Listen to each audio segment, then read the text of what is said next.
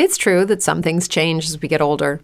But if you're a woman over 40 and you're dealing with insomnia, brain fog, moodiness, and weight gain, you don't have to accept it as just another part of aging. And with MIDI Health, you can get help and stop pushing through it alone.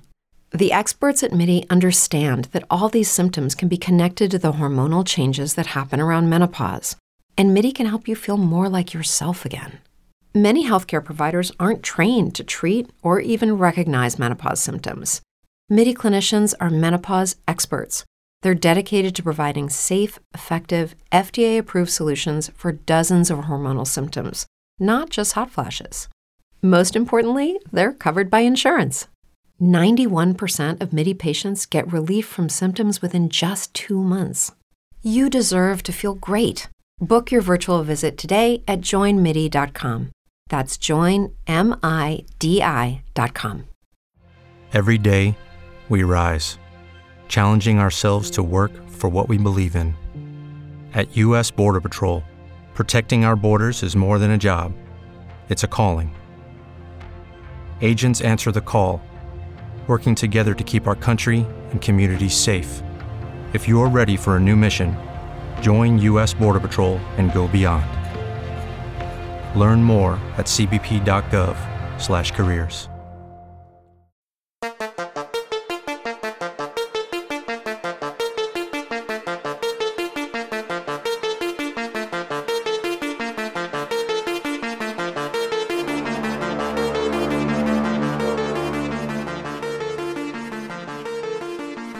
Ola, patrzę sobie na ten nasz podcast i mam taką myśl, patrzę na te 24 odcinki podcastu Ad Astra i, i tak patrzę na to holistycznie, nie? I, I mam taką myśl, że jestem śmiercią niszczycielem światów.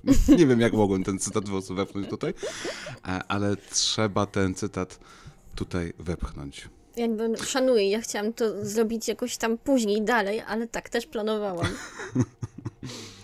To by bardziej pasowało, nie? Bo, bo, bo, Tak. bo śmierć y, jednak ma konotacje żeńskie, więc to ty powinnaś być śmiercią. No. Ja, chyba, że razem będziemy, to ty będziesz śmiercią, ja będę niszczycielem światów. O, dobra, no tak możemy. Dobra. Śmierć i niszczyciel światów. Nie udał nam się tam odcinek czasowo, to znaczy słuchacie go, drodzy słuchacze, już jakieś dwa tygodnie po premierze Oppenheimera. Ale i tak to jest całkiem niezła zbieżność w ogóle tego wszystkiego. Gdzie my nie, nie planowaliśmy tej zbieżności, bo my z Olą nie wiedzieliśmy, o czym jest film Krakakit. Tak, w związku z czym w poprzednim odcinku słyszeliście e, o tym, że lata 40. pewnie będą wypełnione kiczem, że będzie tam dużo niepoważnych tematów i że nic poważnych filmów nie robi. Tymczasem I Krakakit. od razu potem najpoważniejszy, najpoważniejszy film e, w ogóle jakiś tu się pojawił od czasów rzeczy, które nadejdą. Jakby Tak. to są rzeczy, które nadejdą tej dekady.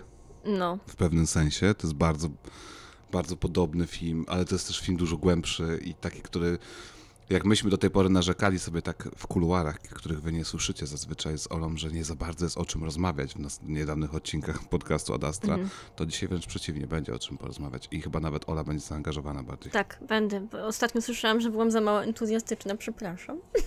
Ale Nie, ja po prostu, ja, ja ostatnio miałem wrażenie, że, że nagrywamy za, za karę, że ty nagrywasz za karę, jakby, że nie, chciałeś, żeby to się działo. Nie, nie, po prostu jakby ba- bardzo chętnie pogadałam o... Co myśmy nagrywali dwa tygodnie temu? Jak to się I nazywało? Wtedy y, najpierw było y, dinozaury, a po dinozaurach był doktor Cyklop. O właśnie, Doktor Cyklop. Jakby mi się bardzo podobał Doktor Cyklop jako film, ale też nie, nie, nie za dużo miałam o nim do powiedzenia. Może w ten sposób. O tym filmie, kurczę, Mhm. mam. Jak ja go obejrzałam, to ja się nie mogłam po prostu doczekać rozmowy z tobą, Adam. Na, na początek, jak ci się ten film podobał? I podobał, i nie podobał. Tego się spodziewałaś na pewno. Yep. To znaczy, jest to film, który cierpi na problemy dość częste w naszym podcaście, a zatem rzeczy, które są dobre, są naprawdę dobre. E, W tym filmie jest to przede wszystkim klamra, czyli początek i koniec. Rzeczy, które, których nie do końca rozumiem sensu, to naprawdę nie rozumiem ich sensu. Czyli nie, nie rozumiem za bardzo faktu, że ten film trwa godzinę 40. Ten film po- powinien trwać godzinę. I byłby prawdopodobnie najlepszym filmem science fiction lat 40., tak już bezdyskusyjnie. Gdyby z niego wyciąć część, ale jaką część, to zaraz do tego przejdziemy. E, patrząc na twoją minę, której słuchacze nie, nie, nie widzą, e, już mogę strzelać, że tobie się podoba dużo bardziej ten film. No, no, podobał mi się. No bo to jest takie science fiction, które ja lubię najbardziej. Czyli tak naprawdę science fiction jest tylko pretekstem, przykrywką, żeby coś ciekawego powiedzieć, poruszyć. No a tutaj mamy problematykę społeczną, problematykę e, odpowiedzialności za własne eksperymenty. Jest to film, który ewidentnie rozlicza się z traumą powojenną. I no właśnie robi to pod przykrywką tego science fiction, którego wcale nie ma tutaj aż tak dużo. Jakby to, to science fiction, to gdybym miała klasyfikować ten film, to bym umieściła gdzieś na sarym, samym szarym końcu. Jakby do tego, co ty tutaj mówisz, trzeba było dołożyć fakt, że oryginalna wersja tego utworu, tak, Tak. ta wersja literacka, e, musiałem sobie wygooglować wreszcie jego nazwisko. Karol Czapek. Czapek. Czapk? Czapek. Czapek.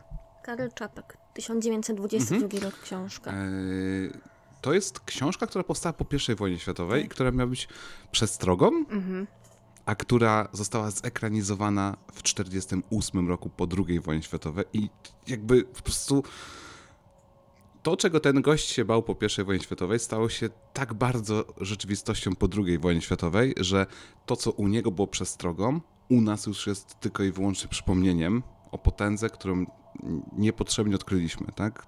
O, o, o, o kierunku, w który niepotrzebnie poszliśmy. E, tak. A my o tym rozmawiamy w 2023 roku, chwilę po premierze Oppenheimera, nie? No, to jest w ogóle... I w zasadzie w ogóle w świecie, w którym znowu powraca jakby strach nuklearny. No tak? To tak. nie jest tak, że jego nie ma. Tak, tak, no ewidentnie, no, ma, wojnę mamy za granicą, tak, dzisiaj znowu czytałam coś odnośnie elektrowni i ojejku, to jesteśmy bardzo na bieżąco, niestety, wolałabym, żebyśmy nie byli aż tak na bieżąco. No ale takie czasy, no. Co poradzić? Ewidentnie wtedy nie było spokoju, teraz nie ma spokoju. Może kiedyś będzie spokój, ale to raczej nie za naszych czasów. Tak czy siak wracając, rzeczywiście mamy bardzo, bardzo dziwny timing. Jestem turbo ciekawa teraz, bo e, my jeszcze nie widzieliśmy Oppenheimera.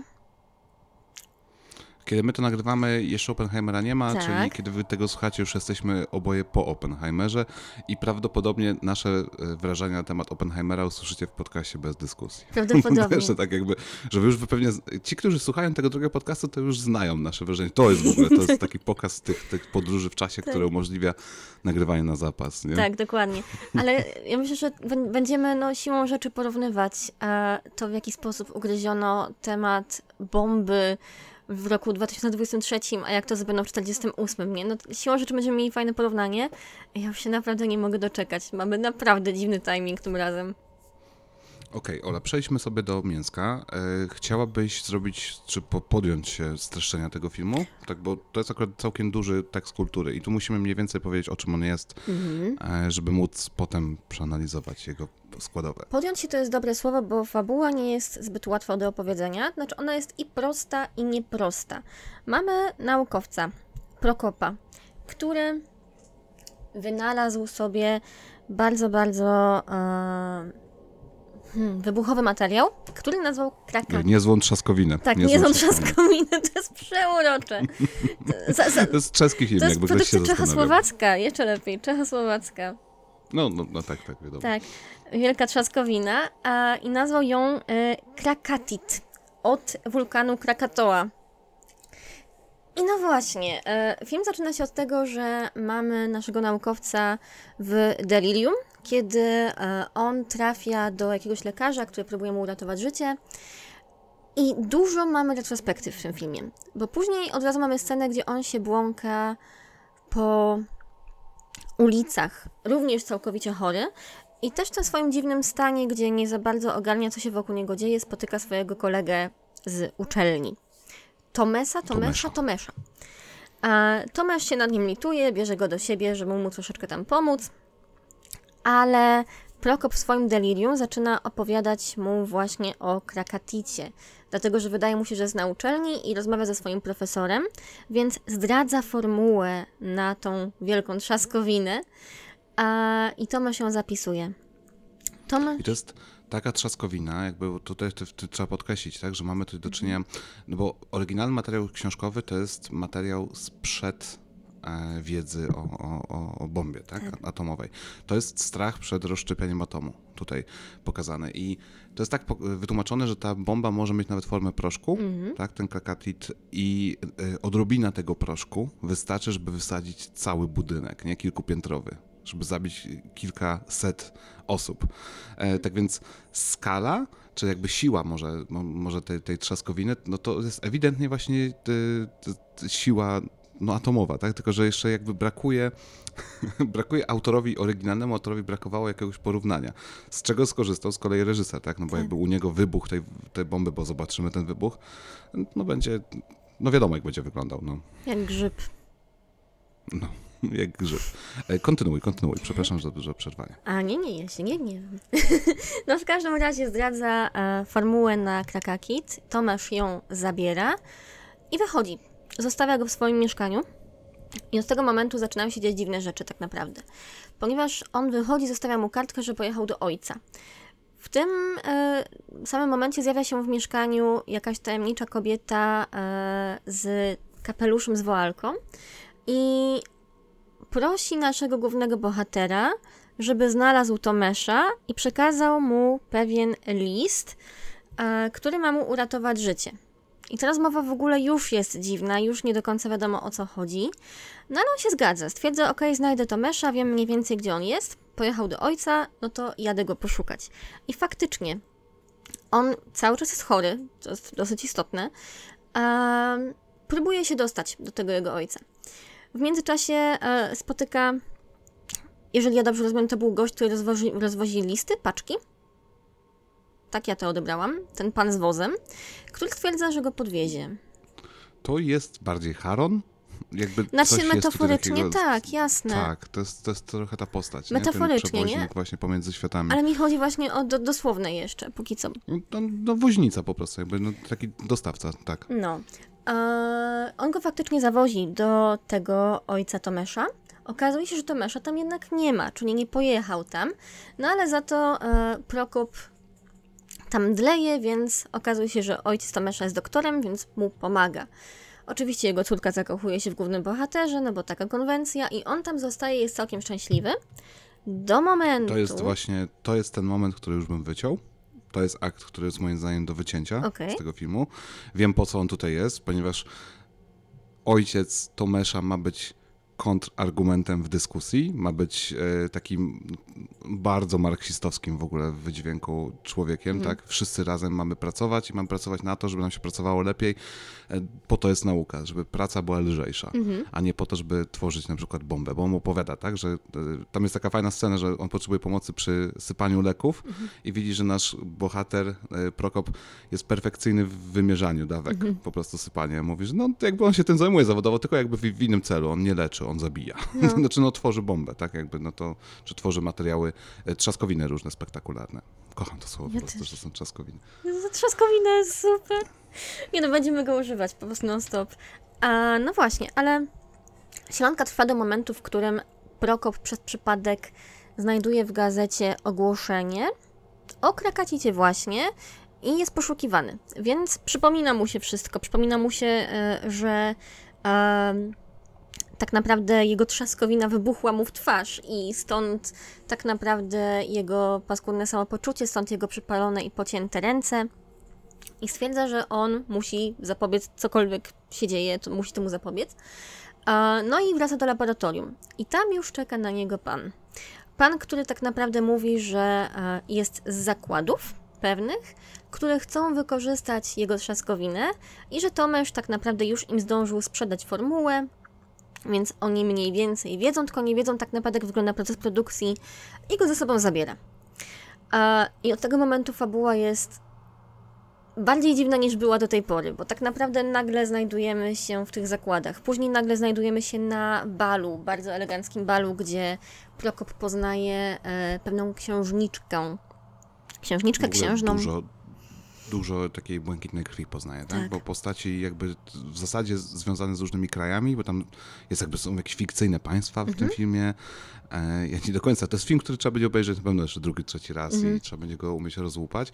E, dlaczego on jest na tym balu? Nagle on się tak sobie uświadamia, że on jest na tym balu wbrew swojej woli. Ja nie wiem, czy ja, czy ja nie wiem, mrugałem dłużej, w cudzysłowie, czyli nie wiem, zapadałem w jakąś mikrodrzemkę i nagle traciłem bardzo duży fragment filmu, ale nie, no właśnie Nie. nagle po prostu się dzieją zupełnie rzeczy i ty musisz...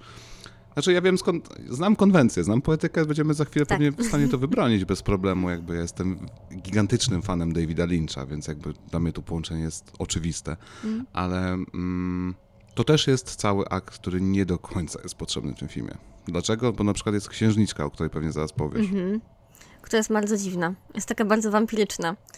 A, I ona chce go wykorzystać właśnie do tego, żeby zdobyć e, krakatit, więc go uwodzi. On się niby nie daje, ale się daje, a ostatecznie chce uciec stamtąd tak naprawdę i ucieka ostatecznie, e, wybuchnąwszy wcześniej laboratorium, w którym pracował, e, napchawszy sobie kieszenie trzaskawinami, co jest w ogóle świetne, i idzie do niej żeby jej powiedzieć, że on się tutaj nie da wykorzystać i odchodzi.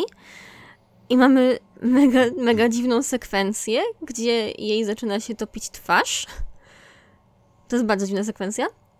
I znowu mamy przeskok. On znowu tak naprawdę nie wie, gdzie jest, co się dzieje i znajduje się nad kim... Jej się nie topi twarz. Ta twarz po prostu, ona nagle pokazuje się, że, że ona nie ma twarzy. Że ona jest po prostu jedną z figur, które zamierzają ją wykorzystać. Ona staje się po prostu uniwersalna. To jest uniwersalizowanie postaci, tak? Ona przestaje być sobą, czyli tą księżniczką, z którą miał romans, a staje się kolejną osobą, która pragnie wykorzystać trzaskawinę. No tak, ale to się... Ja tak to, To widzę, jest nie? interpretacja, nie? Poczekaj z interpretacją. Do, do, do, dojdziemy, daj mi powiedzieć film. Ja myślę, że tutaj Dobrze. będziemy mieli bardzo dużo różnych interpretacji i to jest super, bo to jest właśnie film, który aż się prosi, żeby go interpretować. A, tylko dokończę, już moje nudne streszczenie. A, znajdujemy się nagle tak naprawdę na takim długim, hmm, jakby to w ogóle określić, polu e, betonowym, gdzie nie mamy nic poza betonem i chmurami na niebie i gdzieś tam na horyzoncie daleko laboratorium, w którym podobno jest Tomesz. Chociaż nie, przeskoczyłam kawałek filmu.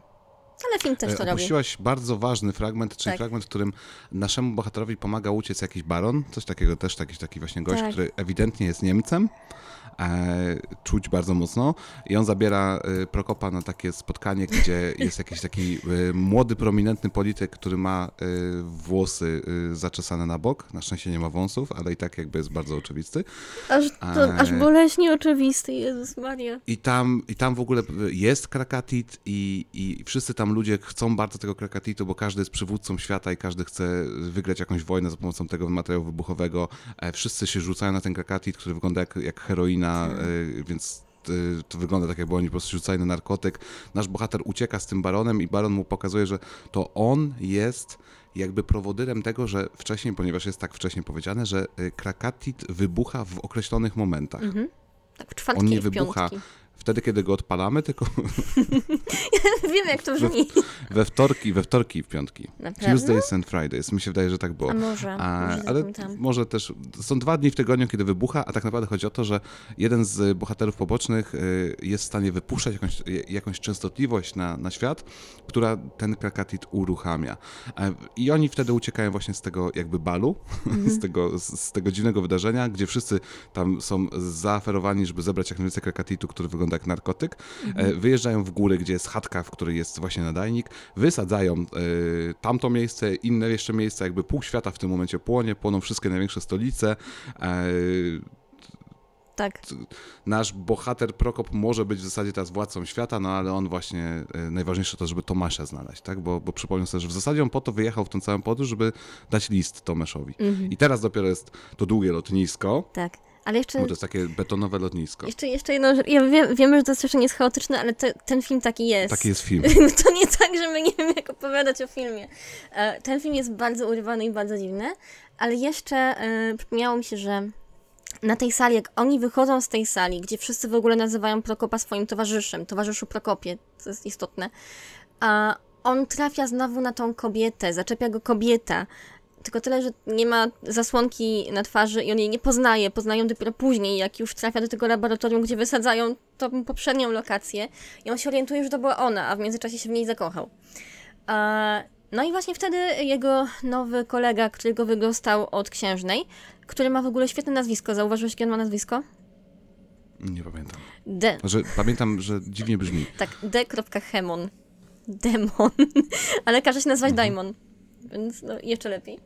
E, Prokop stwierdza, że on nie chce całej tej władzy i chce udusić tego gościa, który mu się rozwiewa w powietrzu. Nie ma go. A no tak, no tak, zapominam. E, Tak, tak. Tutaj wracamy do takiego właśnie mocno symboliczno-ekspresjonistycznego Mhm. e, stylu. I następuje ten finał, tak? No to mamy to lotnisko, to powiedzmy tylko, na końcu tego lotniska jest wielkie laboratorium, w którym pracuje ponoć Tomesz, Mhm. e, który no, dostał wcześniej formułę na, na Krakatit, e, nieświadomy tego, że jeżeli uda mu się opracować Krakatit, to przez to, że w tym momencie częstotliwość z dziwnej satelity jest włączona, no to od razu wybuchnie. Nasz bohater próbuje się dostać tam i ostrzec go, nie udaje mu się tam dostać, ucieka, bardzo daleko ucieka, wiele kilometrów ucieka i w końcu e, gdzieś na horyzoncie wybucha to całe laboratorium. Mamy gigantyczny, spektakularny wybuch, który oczywiście właśnie ma formę grzyba, a nasz bohater leży na jakimś pustym polu i fala uderzeniowa jakby wszystko wokół niego tam wyrzuca. Jest tak bardzo to takie... Fajnie nakręcone to jest. Fajnie to jest nakręcone. I to w zasadzie jest końcówka tego filmu, to jest koniec. Znaczy, no pojawia się znowu woźnica Tak. i on wsiada znowu do tego wozu i, i to będzie tyle, tak? To już będzie koniec dopiero. Hey guys, it is Ryan. I'm not sure if you know this about me, but I'm a bit of a fun fanatic when I can. I like to work, but I like fun too. It's a thing. And now the truth is out there. I can tell you about my favorite place to have fun Chumba Casino. They have hundreds of social casino style games to choose from, with new games released each week. You can play for free anytime, anywhere. And each day brings a new chance to collect daily bonuses. So join me in the fun. Sign up now at chumbacasino.com. No purchase necessary. VGW Void were prohibited by law. See terms and conditions. 18 plus. It is Ryan here, and I have a question for you. What do you do when you win? Like, are you a fist pumper? A woohooer, a hand clapper, a high fiver. I kind of like the high five, but if you want to hone in on those winning moves, check out Chumba Casino. At chumbacasino.com, choose from hundreds of social casino style games for your chance to redeem serious cash prizes. There are new game releases weekly, plus free daily bonuses. So don't wait. Start having the most fun ever at chumbacasino.com. No purchase necessary. VGW Group. Void were prohibited by law. See terms and conditions. 18 plus. Tak, no i się wybudza tak naprawdę z tej śpiączki farmakologicznej, w której on był. Bo mamy na koniec powiedziane, że już oddycha sam normalnie. Tak. Ejku, to, to dziwny to film był. Jakby to, e, my wiemy, że to wszystko było bardzo chaotyczne, ale podkreślamy, dokładnie taki jest ten film. Ten film jest bardzo oniryczny. To jest to słowo, którego należy tutaj użyć, ponieważ bohater nagle znajduje się w różnych lokacjach, w których logicznie nie powinno go być. Nie widzimy tej przyczynowo-skutkowości, w jaki sposób on się znajduje. On tak naprawdę w tych lokacjach ląduje, tylko po prostu w nich jest. Nagle. Tak jak na tym balu. I to, no to, no to, no no, tylko jakby tak nazwiska. Jeżeli zastanawiacie się, jak bardzo to jest dziwne, to co mówi Ola, to ja wam powiem tak. David Lynch w 100% na pewno nie jest przypadek. Nie jest przypadkiem, że David Lynch robi rzeczy, które robi, e, dlatego że musiał takie rzeczy widzieć w dzieciństwie, musiał takie rzeczy oglądać. David Lynch, Franz Kafka, to bardzo kawkowski film. Z- Zabrałeś mi mojego kawkę. Jest tam trochę Gombrowicza i jest tam trochę Szulca, Brunona Szulca. Jest. właśnie tej, tego, tego oniryzmu Bruna Schulza, e, tej groteskowości i dziwactwa Gombrowicza, e, kawkowskiej sytuacji i dramaturgii e, i linczowskiego surrealizmu. No i przede wszystkim ekspresjonizm, na którym ty się bardziej znasz niż ja, bo również filmowy, ale ja ci powiem, że ja jestem przyzwyczajony do ekspresjonizmu w kinie na zasadzie e, gabinetu doktora Caligari, albo nawet na zasadzie Metropolis, znaczy ekspresjonizmu wizualnego, architektonicznego, a nie e, również nastrojowego. A w tym filmie z kolei jest tak, że być może nie pod względem właśnie scenografii, bo to już nie są te lata, żeby budować tego typu scenografię, które się budowało w latach dwudziestych, ale pod względem aury, no totalnie, nie? To właśnie najbliżej tym książkom ekspre- ekspresjonistycznym. Nie wiem, mi się y, Pruchno Berenta kojarzy trochę też przy tym, z tym wszystkim. Jak najbardziej, chociaż scenografia wciąż jest ekspresjonistyczna. Mimo, że my nie mamy tych dziwnych kształtów, to em, bardzo mocno zwracali uwagę, ja trochę poczytałam na temat tego, jak oni kręcili ten film. Um, Otakar Wawra, reżyser, podobno e, był reżyserem, który bardzo mocno zwracał uwagę na szczegóły, na detale i bardzo mocno zwracał uwagę na grę pomiędzy światłem i cieniem, dlatego ten film wygląda jak wygląda i on faktycznie ma, ma taki klimat filmu noir, taki bardzo dziwny, odrealniony, co świetnie się sprawdza w, tej, w tym przypadku, kiedy mamy tą konwencję oniryczną i ten surrealizm i te właśnie rzeczy totalnie kawkowskie. Super to jest. To jest też fajny przykład na to, że w latach 40., zwłaszcza to jest 48, można było już zrobić e, próbę z kolorem. To mógł być film e, w technikolorze. a Mimo. ewidentnie świadoma decyzja artystyczna ma być czarno-biały, on działa właśnie w tej wersji. Mhm. No dobra, to teraz... To jest trochę jak, jak, trochę, jak, trochę jak Godzilla pierwsza, nie? W sensie, Tak. że nie mogła być kolorowa. Nie, Jezu, pierwsza godzina, nie, absolutnie. Ale no okej, to teraz możemy się pobawić w interpretację, bo tutaj dużo rzeczy można zinterpretować. No już zacznijmy od pana woźnicy. Dawaj mnie tego woźnicę. Mamy, mamy przewoźnika. Jakby, jeżeli założysz sobie taki odczyt, że cała, cała ta historia rozgrywa się w głowie bohatera, który jest w trakcie pracy nad materiałem wybuchowym, który może zmienić świat. Czyli na przykład w trakcie rozszczepiania atomu. I, i, i śni mu się to, co się może dziać, jeżeli osiągnie swój cel. Jeżeli założysz, że w tę stronę właśnie idzie nasz film, to Haron jest rzeczywiście przewoźnikiem. No, Haron, już mówię od razu, t- ten woźnica jest rzeczywiście przewoźnikiem, tak? Właśnie w świat wyobraźni e, magii i potem z powrotem zabiera nas do rzeczywistości. Ja się totalnie Tak to widzę ja. zgadzam. Zwłaszcza, że e, no to nie jest przypadek, że pod koniec filmu znowu nam się pojawia ten woźnica i to nie jest przypadkowe też nawet w samym świecie filmu, bo woźnica mówi, że e, spodziewałam się tu pana za, zastać. Ja na pana tutaj czekałem. E, I miałam właśnie rozmowę odnośnie odpowiedzialności za wynalazki, że wynalazki mogą pójść w dobrą stronę, że nie muszą niszczyć życia. I nasz woźnica patrzy prosto w kamerę, jak to mówi. Czyli my wiemy tak naprawdę, że on przekracza barierę pomiędzy e, fikcją, przekracza barierę filmu, mówi wprost do nas, jako do widzów. Co jest super, bo to czasami działa, czasami nie działa, tutaj super działa. Ale jest to film, który jest troszeczkę tak e, przesadnie, explicite, tak? Mhm. Próbuje ci coś wyłożyć. Nie wiem, czy książka.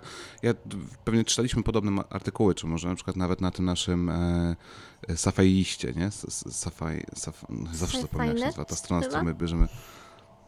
E, tam jest też ta taka sugestia, że książka jest trochę bardziej Subtelna. wysmakowana, Tak. Mhm. subtelna, o właśnie, w tym wszystkim, nie? Film, ale z drugiej strony książka ostrzegała przed czymś, czego jeszcze nie było. No właśnie. Jakby wiesz co, ja myślę, film- że jakby faktycznie, jeżeli jesteś chwilę po rąbnięciu e, wielkiej bomby, na którą świat w ogóle nie był gotowy, to rzeczywiście wydaje mi się, że dla nich jakby 5000 ostrzeżeń i powtórzenie tego samego to wciąż pewnie nie wydawało się zbyt dużo. Tylko, że już to, wiesz, to był film nagrany, kiedy mleko się rozlało, nie tylko Tak. pod względem tego, że wybuchy już były, ale też pod względem tego, że już to jest, ta technologia jest i już nie można jej zapomnieć. No tak. Co prawda nigdy nie użyliśmy od lat 40. ponownie jakby w tym celu y, tego typu ładunku, ale y, no tak jak mówiliśmy na początku, od trz- 80 już w zasadzie lat y, pięknie działa jako straszak, nie? Jako, jako pewne zabezpieczenie, czy, czy zawsze taka groźba, która wisi w powietrzu. To swoją drogą też jest ciekawe, że y, y, powstał remake tego filmu jeszcze, również czeski, w latach 80., czyli pod koniec zimnej wojny, e, który pewnie też ma jeszcze inny wydźwięk, bo pewnie ma dużo tego zimnowojennego nastroju. Tego samego reżysera chyba, nie? W sensie on chyba zamiarkował własny film. Serio? w ogóle jaki motyw, że dożył do, do remake'u własnego filmu, No, nie? on chyba w 2011 zmarł mając 100 lat? Jeżeli się nie mylę? Przepraszam, że się śmieję, ale to jest po prostu... Tak, y, potwierdziłem, sprawdziłem. Tak, sam zrobił remake własnego filmu, ponieważ świat poszedł w tym kierunku, że bardzo y, można było zaktualizować, nie? Tak, ale czytałam, że to już... I ja nie mogę. No, dziwne, nie? Ale czytałam, że to już nie jest to, że już mu się nie udało doskoczyć do tego poziomu. No, no, no bywa, no. No bywa. Sprawdzimy w podcaście Adastra za jakieś kilka lat. Sprawdzimy. Ale w ogóle bardzo dużo to e, jest jeden z tych filmów, w których się bardzo dużo widzi. Ja tak sobie oglądałam ten Krakaki, to mówię, okej, dobra, już wiem, co oglądał Kubrick i co go natchnęło do nakręcenia Doktora Strangelove, bo... Doktor Strangelove, tak, ja No. myślałem, żeby podtytuł, żeby podtytuł naszego odcinka, czy tytuł naszego odcinka to po prostu, czy, czyli jak pokochałem bombę. E, O, bo Jak pokochałem Krakaki. Jak pokochałem Trzaskawinę! o, To trzaska- jest nasz tytuł. Mamy to. e, myślisz, że Trzaskawina ma coś wspólnego z, z Warszawą? Tutaj Macza Palec, ten sam człowiek jest, jest winny? Nie sądzę. Kogo wina? Kogo wina? Trzaska, oczywiście. E, jakby i dużo rzeczy, tylko właśnie teraz, jak rozmawiamy już tak głębiej, Po co są te fragmenty? Po co są te fragmenty, które mnie męczą w tym filmie? Po co jest ta wizyta u, u ojca Tomesza, długa, połączona jeszcze z romansem? E, I po co jest ten sztuczny romans u, u księżniczki? Jakby ja wiem, no bo już sam wcześniej powiedziałem, tak, że e, doktor chce nam powiedzieć, że można nau- użyć nauki dla dobra, a księżniczka ma nam pokazać przez to, że straci twarz, że każda osoba u władzy będzie chciała wykorzystać taką postać, która stworzy taki ładunek, tak? Ale dlaczego temu poświęcać w zasadzie godzinę filmu? No może nie godzinę, trochę mniej, ale mówię, że gdyby to odchudzić te wątki, to wyszłaby nam rzecz nienaruszalnie perfekcyjna. Naprawdę. Uważam, że powstałby jeden z arcydzieł po prostu kinematografii w ogóle. Wiesz co? Um, hmm. Się zastanawiam troszeczkę, dlatego że wydaje mi się, że ten wątek u doktora i z Anią, Aneczką, Ancią? Ancia, chyba coś takiego. Z Ancią, podobnie zresztą jak wątek z tą naszą księżniczką, to jest kwestia troszeczkę tego, że nasz naukowiec nie umie dokonać wyboru, że jest miotany między różnymi siłami i tak naprawdę to on się we wszystkich zakochuje. Zobacz, on się zakochuje w tej kobiecie, którą widzi przez 3 sekundy, która mu daje list. Później tak naprawdę e, zakochuje się w Anci, mimo że cały czas myśli o tej pierwszej, a później jeszcze wchodzi w relację z księżną, której mówi, że kocha tamte dwie. Okej, i do tego jeszcze dołożę, dołożę ci do tego moment, kiedy on zostaje upity i kiedy jest pijany, widzimy wprost wyłożone, jakie są jego myśli, tak? Po pijaku jest w stanie krzyknąć to, o czym marzy. Marzy o tym, że będzie multimilionerem i że będzie rządził światem i, i swoją fortuną. Tak więc on chce zrobić, dokonać tego, tego odkrycia, bo on chce stać się kimś wyższym, wyskoczyć ponad własną sferę. To też jest marzenie o księżniczce, nie? Tam bo ona mu mówi, że zawsze marzyłeś o księżniczce. No dokładnie. I on tak naprawdę, no chwyta się, to jest chyba troszeczkę taki, nie wiem, może to być komentarz na temat oportunistów, że mierzy wysoko, a póki tego nie ma, to zadowala się tym, co ma. Trochę tak to Ja mam widzę. wrażenie, że to jest komentarz na, e, na wszystkich humanistów, to znaczy idealistów, o trochę tak, że Mhm. dopóki jakby nie mam szansy e, zarobić na przykład na, na, na koszmarze Mhm. świata, w którym żyję, to będę krytykował wszystko, tak? Ale jak już przychodzi co do czego i ja sam mogę uszczknąć kawałek Mhm. tortu dla siebie, to ideały chowam do kieszeni. Okej, to też może być. Ta, ta interpretacja też mi się podoba. E, I jeśli chodzi o w ogóle sam ten wątek u doktora, to wydaje mi się, że to ma być po to, że pokazanie mu wizji świata, w której nie musi brać odpowiedzialności za to, co zrobił, bo nie pamięta, co zrobił. I może sobie żyć sielankowo. I jak otrzymuje tą wiadomość, to pytanie, czy on dalej będzie żył w sielance, bo mógł tam zostać, czy podejmie decyzję, że jednak e, chce a. Powstrzymać tych ludzi od Krakatita, B. Mimo wszystko skorzystać ze sławy, chwały i pieniędzy, nie? No, jeżeli widzi, że coś się dzieje na temat Krakatita, a to nie jest związane z nim, no to też to może być taka zazdrość na zasadzie, to jest mój wynalazek.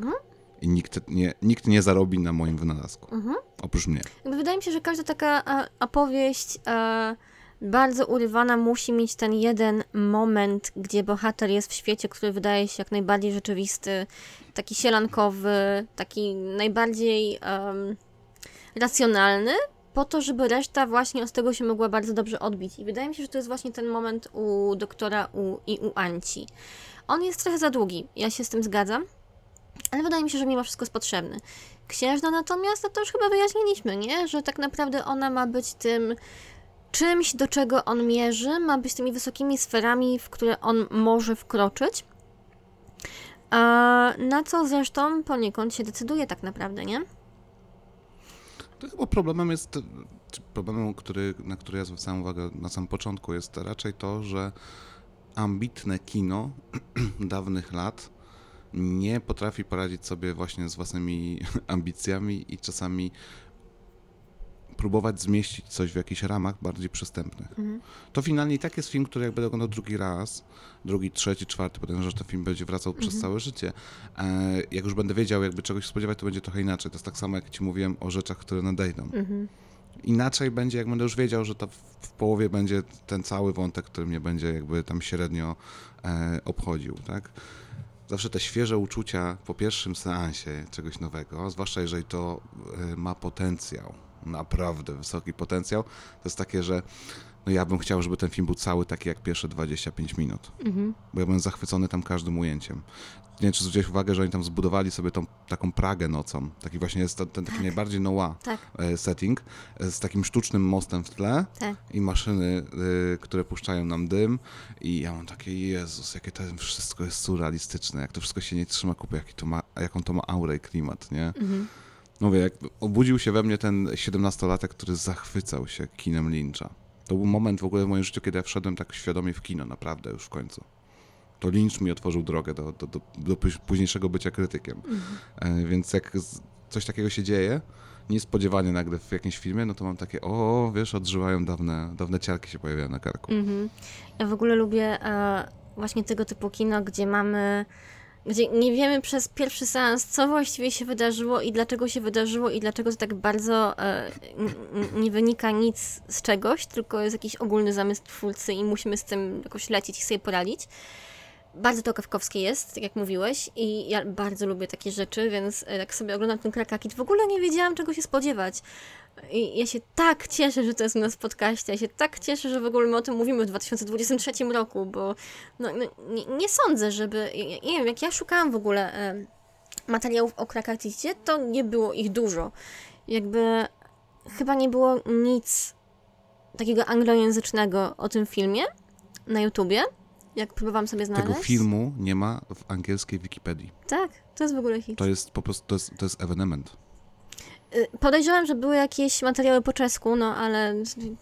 Są czeskie i są polskie materiały, maluteńkie. Tak, no właśnie.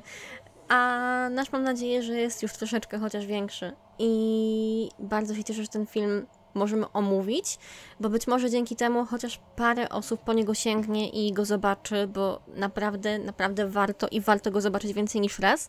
Ja też na pewno do niego wrócę i już wiedząc, co się w tym filmie dzieje, czytając sobie o nim, będę go oglądać jeszcze uważniej niż wczoraj, bo widziałam go zaledwie wczoraj. Bardzo, bardzo się cieszę, że poznaliśmy ten film. Ja też, zwłaszcza w latach 40., bo daje nadzieję nam e, na to, że ta dekada może mieć wiele różnych oblicz i barw, ale trzeba wychodzić poza Amerykę. To, A to nie jest pierwszy raz. E, najczęściej te skomplikowane, dziwne, wielopłaszczyznowe e, odcinki Ad Astry dostarczają nam filmy nieamerykańskie. Jasne. Kino angielskie, kino europejskie, kino e, nawet rosyjskie, tak? Tak. U nas jest czymś o wiele bardziej, no, Interesującym. głębokim. No niedługo pojawi się kino japońskie, nie? To w ogóle będzie. No, ale no, od dziwnej mańki do nas wejdzie tutaj, więc zobaczymy, co, co, co, z tego wyjdzie. E, to ja zadam ci jeszcze jedno pytanie, jeżeli chodzi o odczyt ewentualny. E, śnił czy nie śnił? Jak ty to widzisz? A wydaje mi się... Czy Krakatit istniał w fikcyjnym świecie tego filmu? Wydaje mi się, że to nie. To, to jest chyba kwestia, e, i mam wrażenie, że takie było zamierzenie twórcy, że to będzie kwestia indywidualnego odczytu i nie ma jednej konkretnej wersji, która ma się. E, Dlatego pytam o twój odczyt. no, ma się znaleźć z filmu. E, widzę oba. Jakby e, mówiłeś, że naukowiec, który tam sobie, nie wiem, rzeźbi nad tą krakatitem, ale być może faktycznie to jest naukowiec, który e, wynalazł ten krakatit i pod wpływem tego eksperymentu rzeczywiście spędza cały film na stole operacyjnym i po prostu mu rzeczywiście to wszystko się śni, dlatego że no, jest na granicy pomiędzy życiem a śmiercią. Harun by tutaj bardzo pasował, bo on się wymyka śmierci tak naprawdę dzięki rękom doktora. Um, no ale to, że mu się to śni, to nie znaczy, że on czegoś tam nie wynalazł, nie? Wydaje mi się, że mógł wynaleźć, albo że e, jest na drodze do wynalezienia, ale to wszystko w moim odczycie nie miało miejsca. Wszystko to się nie wydarzyło, to było tylko coś, co się działo w jego głowie, w jakiejś alternatywnej rzeczywistości, gdzie rzeczywiście wymyślił sobie taką e, wielką trzaskowinę, która narobiła zamieszania. A, natomiast myślę, że coś wynalazł, albo jest na dobrej drodze do wynalezienia tego i zdaje sobie z tego sprawę, stąd też te sny o odpowiedzialności. No i to by tłumaczyło tak naprawdę, dlaczego wszyscy mu mówią o tej odpowiedzialności i że tak nie można i że można lepiej wykorzystać swoje talenty. No tak, kiedy każda figura spotkana y, w trakcie tego filmu jest w zasadzie tylko wytworem wyobraźni, e, wytworem snu, to nie ma problemu, że one mówią jakimiś e, sloganami, tak? Że, że, że to nie jest no, realny człowiek, realny bohater. E, I że demon to jest ten, który mu umożliwia kontrolowanie całym światem. To jest cudowne. A jak ty myślisz? E, Ja myślę, że to był sen. O, to zaraz będzie uwaga, to będzie, to będzie bardzo dobre. Ja myślę, że to był sen w książkowej wersji Mhm. Krakatitu, ale to już nie jest sen filmowej. Okej. Ale mądrze mi to wyszło. Czasami ja też potrafię. Uzasadnij mi. Proszę. Nie muszę ci, nie muszę ci uzasadniać, bo jesteś mądrą osobą i nasi słuchacze też są mądrzy. E, ciekawe, jak to wszystko by właśnie. Już bym obejrzał tą wersję z lat 80., może w ogóle to zrobię. E, I co doda mi jeszcze wersja z lat 80., tak? Wersja e, z młodsza o 32 lata. E, o 32 lata, w trakcie których nikt nie użył bomby. Bo trochę inaczej, tutaj mamy w zasadzie film kilka lat po użyciu, a potem przez 30 lat wszyscy mówią, że użyją jakby i to jest ten strach, ale nikt tej, tej bomby nie używa, tak? No tak. Ona jest, to w ogóle bomba atom generalnie jest y, sytuacją bardzo Schrödi- schrödingerowską i też to z kawką trochę jest jakby, bo ona zawsze jest i ona, jej nigdy nie ma, bo jakby ona była, to by już nie byłoby niczego, ale no wiesz o co mi chodzi, nie? Bomba jest, bomba jest ciekawym wątkiem zawsze. Zawsze. Ale to jest super, bo książka była ostrzeżeniem przed tym, co może nadejść. Film był tak naprawdę straszakiem e, człowieka, który widział, co się wyprawiało i no jakby to nadeszło, tak? To się wydarzyło. Po czym człowiek, ten, ten sam człowiek kręci 30 lat później film, który jest jednocześnie rozliczeniem się z traumą zimnej wojny, gdzie cała zimna wojna właśnie była jednym wielkim strachem atomowym, tak? Paniką atomową. Była jednym wielkim krakatitem. Dokładnie, była jednym wielkim krakatitem. Jest Niesamowite, jak to się potoczyło. Trzeba Czechom oddać. Ja uważam, że to jest bardziej czeski film. Nawet że Czechosłowacja jakby no, czuć, tak? Czuć, że to jest czeski film. E, trzeba Czechom oddać, że e, no, dołożyli ładną cegiełkę do kina science fiction. Zwłaszcza tak wczesnego kina science fiction. Mhm. To w ogóle jest pierwszy czeski film, który wyświetlali w Cannes. Zasłużenie. Zasłużenie, tak. No. I podobno podobał się. Co mnie bardzo, bardzo cieszy. No to nam też się podobał, tak? Znaczy y, różnie, ale no widać, że oboje y, widzimy. Widzimy głębię tego filmu. Ale powiem Ci, że ja się tak czuję intelektualnie wy- wymęczony. Y, Nie tylko oglądaniem tego filmu, ale też rozmawianiem o nim. Tak, że w zasadzie jak już tak 40 minut rozmawiamy, to ja mam takie wrażenie, że już trochę staję się takim pierwotnym człowiekiem, takim trochę jaskiniowcem, wiesz? O, o jaskiniowcach to też dzisiaj pogadamy. My dzisiaj, ale Tak. słuchacze dowiedzą się o tym, bo to jest taka mała zapowiedź tego, co wy usłyszycie za dwa tygodnie. E, bo przy następnym filmie e, spokojnie już nie można za długo e, być w przestworzach takich e, tematycznych, nie? Czasami człowiek potrzebuje właśnie się uzwierzęcić, tak? Tak jakby to po prostu wyrzucić z siebie te takie pierwotne instynkty. Tak. Dlatego e, my widzieliśmy dzisiaj film, o którym wy usłyszycie za dwa tygodnie. Ponieważ wibbly wobbly timey wimey. Wibbly wobbly, timey wimey. Przez wibbly wobbly trudy Do timey wimey gwiazd. i to bez bomby atomowej, patrz, wyszło nam tym razem. No bez. No to papa. Pa. His karate lessons might not turn him into a black belt. And even after band camp, he might not be the greatest musician. But with the 3% annual percentage yield you can earn on a PenFed premium online savings account, your goal of supporting his dreams Thanks for everything, Mom and Dad. will always be worth it. Apply today at penfed.org slash savings. Federally insured by NCUA. $5 minimum to open account. To receive any advertised product, you must become a member of PenFed. PenFed's got great rates for everyone.